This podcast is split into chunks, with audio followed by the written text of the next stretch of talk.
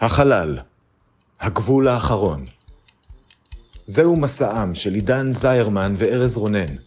משימתם, לצפות בכל הפרקים של סטארט-טרק לפי סדר כרונולוגי, לדבר עליהם ולצעוד בעוז למקום בו אף אדם לא צעד מעולם.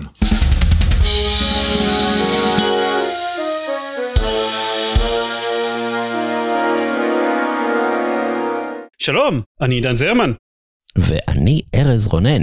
ואנחנו הולכים לדבר היום על הפרק השני בעונה השנייה של Star Trek הסדרה המקורית, Who Mourns for Adonais. הוא שודר במקור בתאריך 22 בספטמבר 1967, וכרגיל כדי להכניס אתכם לעניינים, נתמצת את כל מה שקרה בו בדקה אחת. ארז אתה מוכן? בהחלט Adonais. אז קדימה. אלוהים אדירים, במהלך סיור שגרתי של האנטרפרייז, יד אנושית ענקית ומרחפת מופיעה באמצע החלל, תופסת את ספינת החלל שלנו ולוכדת אותה במקומה. קירק מקוי סקוטי וקצינה נאת מראה בשם קרולין פלמאס משתגרים לכוכב הקרוב ומגלים שם מקדש יווני עתיק וטיפוס שמתעקש שהוא אפולו, אל השמש היווני. הצוות שלנו לא מאוד מתרשם מאפולו, חוץ מקרולין שמקבלת ממנו במתנה שמלה חדשה ונוצצת, מה שגורם לה להתאהב בו ולהתחיל להתמזמז איתו בכיף שלה, למורת רוחו של סקוטי שמאוהב בסתר. אפולו חושף שהוא רוצה לכלוא את צוות האנטרפרייז על הכוכב שלו כדי שאלה יסגדו לו ויחזירו אותו לשיא כוחו האלוהי. בסופו של דבר, קירק משכנע את קרולין לדחות את אפולו רומנטית, בדיוק בזמן בו ספוק יורה פייזרים על המקדש שלו מהאנטרפרייז שעדיין תקוע בחלל. זה מספיק כדי לגרום לאפולו להבין שאין עתיד לאלים היוונים העתיקים, ולהיעלם לו עם הרוח כמו חבריו. סוף טוב, הכל טוב,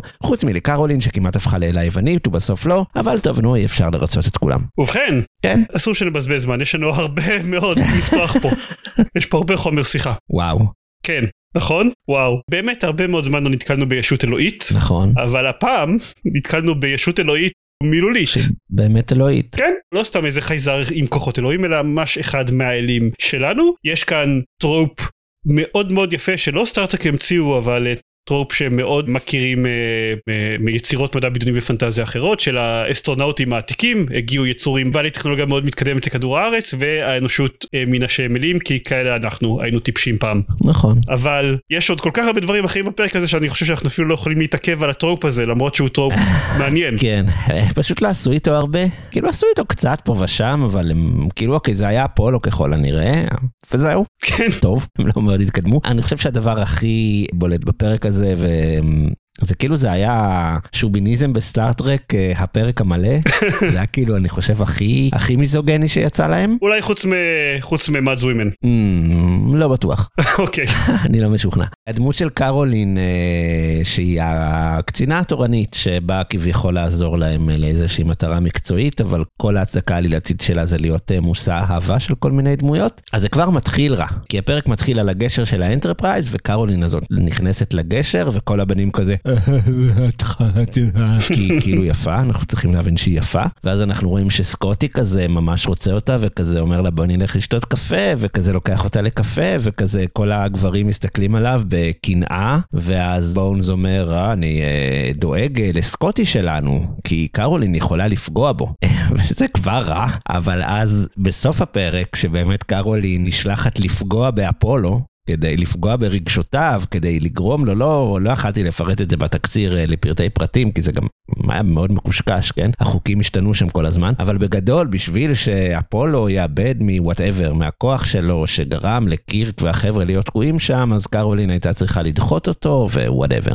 ואז זה באמת, המילה של האישה יכולה להרוג אל, כאילו, ווואו, וזה רע, וכל זה שהיא, כאילו, היא הייתה אשת מקצוע, וכל מה שהיה צריך בשביל שהיא תתאהב באפולו מעל הראש זה שהוא אשכרה עשה כזה snap עם האצבעות ונהייתה לה שמלה מאוד חושפנית שהיא פשוט אמרה וואו it's beautiful וואו. כן זה היה מאוד וייבים של שורליב מאוד וייבים של The Square of Gothos. אה כן לא אני דיברתי על שורליב עם, השמלה. כן יש שיגידו שמאפיינים סקסיסטים וחייזרים כוחות אלוהים בסטארטרק זה משהו שחוזר על עצמו לא יודע למה אבל בכל המערכת יחסים ביניהם יש טיפה ביקורת כלפי אפולו כאילו באיזשהו שלב הוא אומר לה דברים כמו תראי מה עשית לי ותראי מה גרמתי לעשות וכאלה שגורם לי לחשוב שכאילו אוקיי הוא כתוב יותר מדי כמו אה, נרקיסיסט במערכת היחסים רעילה בשביל שזה יהיה מקרי אבל אף אחד לא אומר את זה בשום שלב. ולעומת זאת הנאמנות שלה כל הזמן מטילים בספק בקול רם בקרב אנשי הצוות. אה, היא תהיה נאמנה לצוות בסוף? לא תהיה נאמנה היא הרסה לנו את התוכנית הראשונה אולי בפעם הבאה היא לא תהרוס לנו. כאילו זה כל הזמן עולה ולעומת זאת האישיות הבעייתית שלו פחות. גם נמצאת שם אבל הרבה הרבה פחות ביחס לקרולין. כאילו די לא יודע בסדר הוא דוש כזה הוא מניאק הוא רוצה שהם יסגדו לו אבל סך הכל יחסית לישויות האלוהיות שיצא לנו לראות הוא בסדר כזה לא יודע הוא לא גרם להילחם בגורן למשל. בכל זאת. זה נכון, אבל הוא כן דוש, וכן בקטעים שהוא מטיל עליה את האחריות להתנהגות שלו, אין שום דבר שדרך שבה מסבירים לה, לא, זה לא ככה, אתה אחראי לזה, אתה דוש בסיפור הזה. אבל גם נעזוב את זה, אני חושב שגם הכי גבר רעיל יצא קירק בסופו של דבר, כי קרולין באמת מתאהבת באפולו. היא אומרת את זה בשלב מסוים לקירק, I love him, וגם כשהיא זורקת אותו והיא משקרת לו בסוף, רואים שזה כואב לה, וקירק משכנע אותה, הוא אומר לה, את אשת צוות באנטרפרייז, המטרה שלך זה להציל אותנו, את הולכת עכשיו לשקר לו ולזרוק אותו, כאילו, וזה זה, זה גם, גם לא, לא cool, cool. נכון. כאילו, למה אי אפשר למצוא דרך שלישית שהם יהיו ביחד, ו- וכן, זה גם מבאס, הוא הציע לה להיות אלה, וכאילו... אחר כך קירק אומר שכשאפולו נכחד, לא יודע איך לקרוא לזה, אז קירק אומר, אולי בכל זאת היינו יכולים קצת לאסוף כמה כן.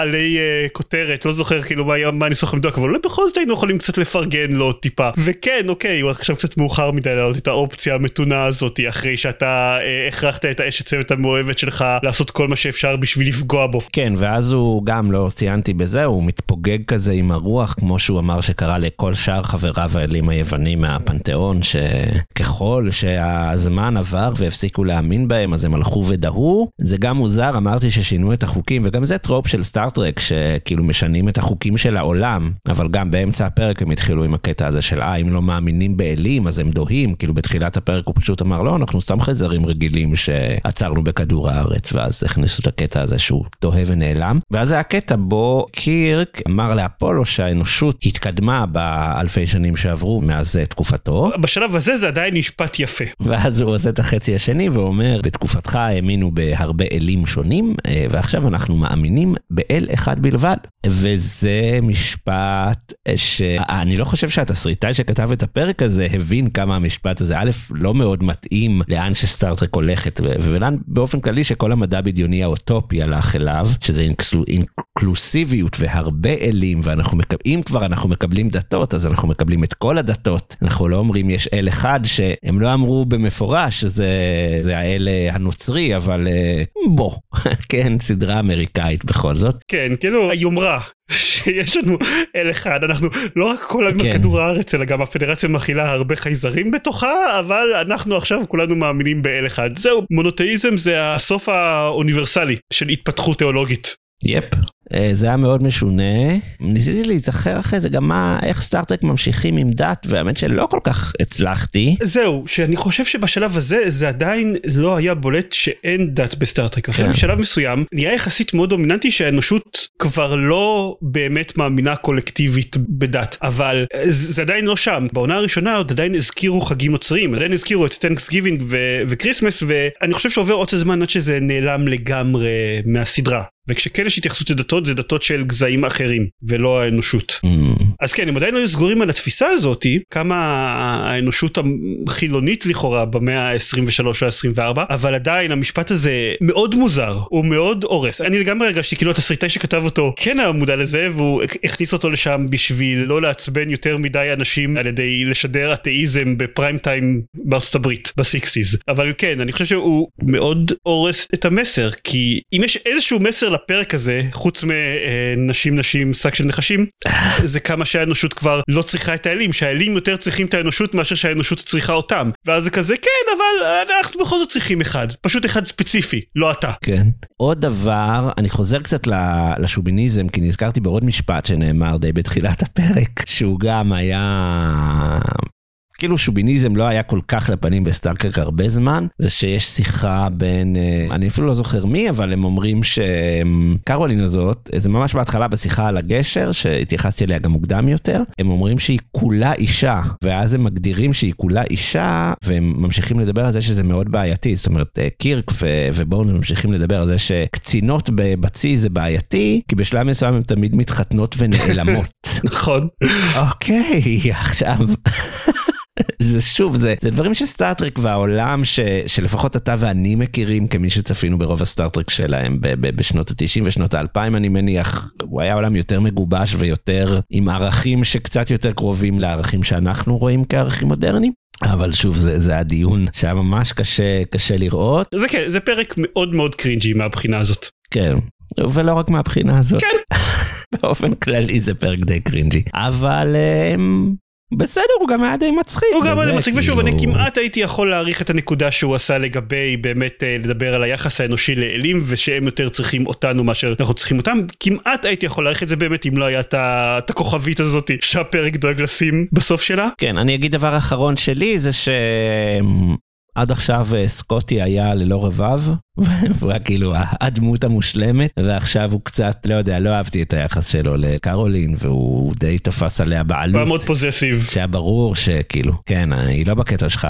אה, אז זה קצת, אה, הייתי מעדיף לשכוח את זה, ולהמשיך להריץ את סקוטי, כמו שהוא היה עד עכשיו, אבל אף אחד לא מושלם. בסדר, זה גם לא מאוד כאילו מתיישב עם הדמות שלו, אז נראה שבגדול גם תסריטאים ישכחו מזה עוד מעט. ייי. שתי נקודות קטנות שאני רוצה להגיד. הראשונה, מה שטיפה מפחית את כמות הסקסיזם בפרק הזה, רק טיפה, זה שהורה בפרק הזה עושה דברים. לא סתם עושה דברים, עושה נכון, דברים עם מלחם. נכון, עם מלחימה כבלים, היא מלחימה סיבים אופטיים. עוד מעט יחברו את הבניין לסיבים. כן, אה, בשלב מסוים הם מאבדים את הקשר עם הצוות על הכוכב, רוב הפרק למעשה האנטרפרייז לא אה, יכולה ליצור קשר עם קירק והחבר'ה, בשביל לעקוף את זה, אז אוהורה פשוט פותחת את המעגלים של העמדת תקשורת שלה ומתחילה להלחים ולחבר שם דברים מחדש. וזה תצוגה הרבה יותר מרשימה ממה שאוהורה עושה בדרך כלל. שזה לשיר. כן, שזה השיר. אז כל הכבוד על הקטע הזה. והדבר השני זה כבר הפרק השני שלנו עם צ'קוב, ושיו איזה חמוד צ'קוב. אה נכון, גם הוא היה איתם בכוכב, וואו, שכחתי מזה. נכון, גם הוא עכשיו. מסתבר שגם במאה ה-23 יש לרוסים גרסה רוסית לכל דבר בעולם המערבי. במקרה הזה זה היה חתול צ'שר, אבל בלי קשר לזה הוא פשוט חמוד. הוא חמוד ומצחיק כמעט תמיד. נכון, ואני נכון, אדבר על זה עוד נכון, קצת נכון. כשנגיע לסצנות אהובות. נכון, כל עוד הוא לא הופך לטלפת מפחיד, אני בעדו. יפה. אני הבנתי את הרפרנס הזה של להגיע לפינות. אה, כן, בוא נגיע לפינות. לא שאלנו את אפולו אם הוא משל לנו להגיע לפינות. אה, הוא מת, זאת לא בעיה. אה, חלף עם הרוח. ופינת הטריוויה שלנו קצת דברים קודם כל אה, אחד מהסופים שבסוף לא השתמשו בהם לפרק הזה זה ש, אה, שכשקריסטין חוזרת מהכוכב היא מגלה שהיא בהיריון מאפולו. עכשיו בנובליזציה שעשו לפרק הזה הסוף הזה כן מופיע וכותבי ספרי סטארטרק חגגו על הסיפור הזה. כן זה נשמע משהו ש... כן פיתחו את הנושא הזה ודיברנו הרבה על סקסיזם כלפי נשים אבל נגיד שבכל זאת אה, גם גברים לפעמים קצת מושפעים מהנושא הזה הדבר הראשון שמייקל פורסט השחקן שמשחק את אפולו התבקש לעשות באודישן היה להוריד את החולצה כדי לבדוק שיש לו את הפלג גוף העליון שדרוש בשביל ללבוש את הטוגה הפתטית הזאתי. בסדר, אלי יווני או אלי יווני, אה, בסדר. הוא גם, אה, יש איזה קטע שביקשו ממנו לעשות מבטא בריטי, והוא אמר שהוא לא יכול לעשות מבטא בריטי, אבל אם רוצים הוא יכול לעשות מבטא ים תיכוני, שנראה לו שזה יותר מתאים לדמות, ואז הם נזכרו איפה יוון נמצאת, אז הם היו כזה, אה אוקיי, בסדר. כן, נכון, אה נכון, זה לא, לא כולם היו בריטים. כן. כן, אמריקאים ומבטאים זה כיף.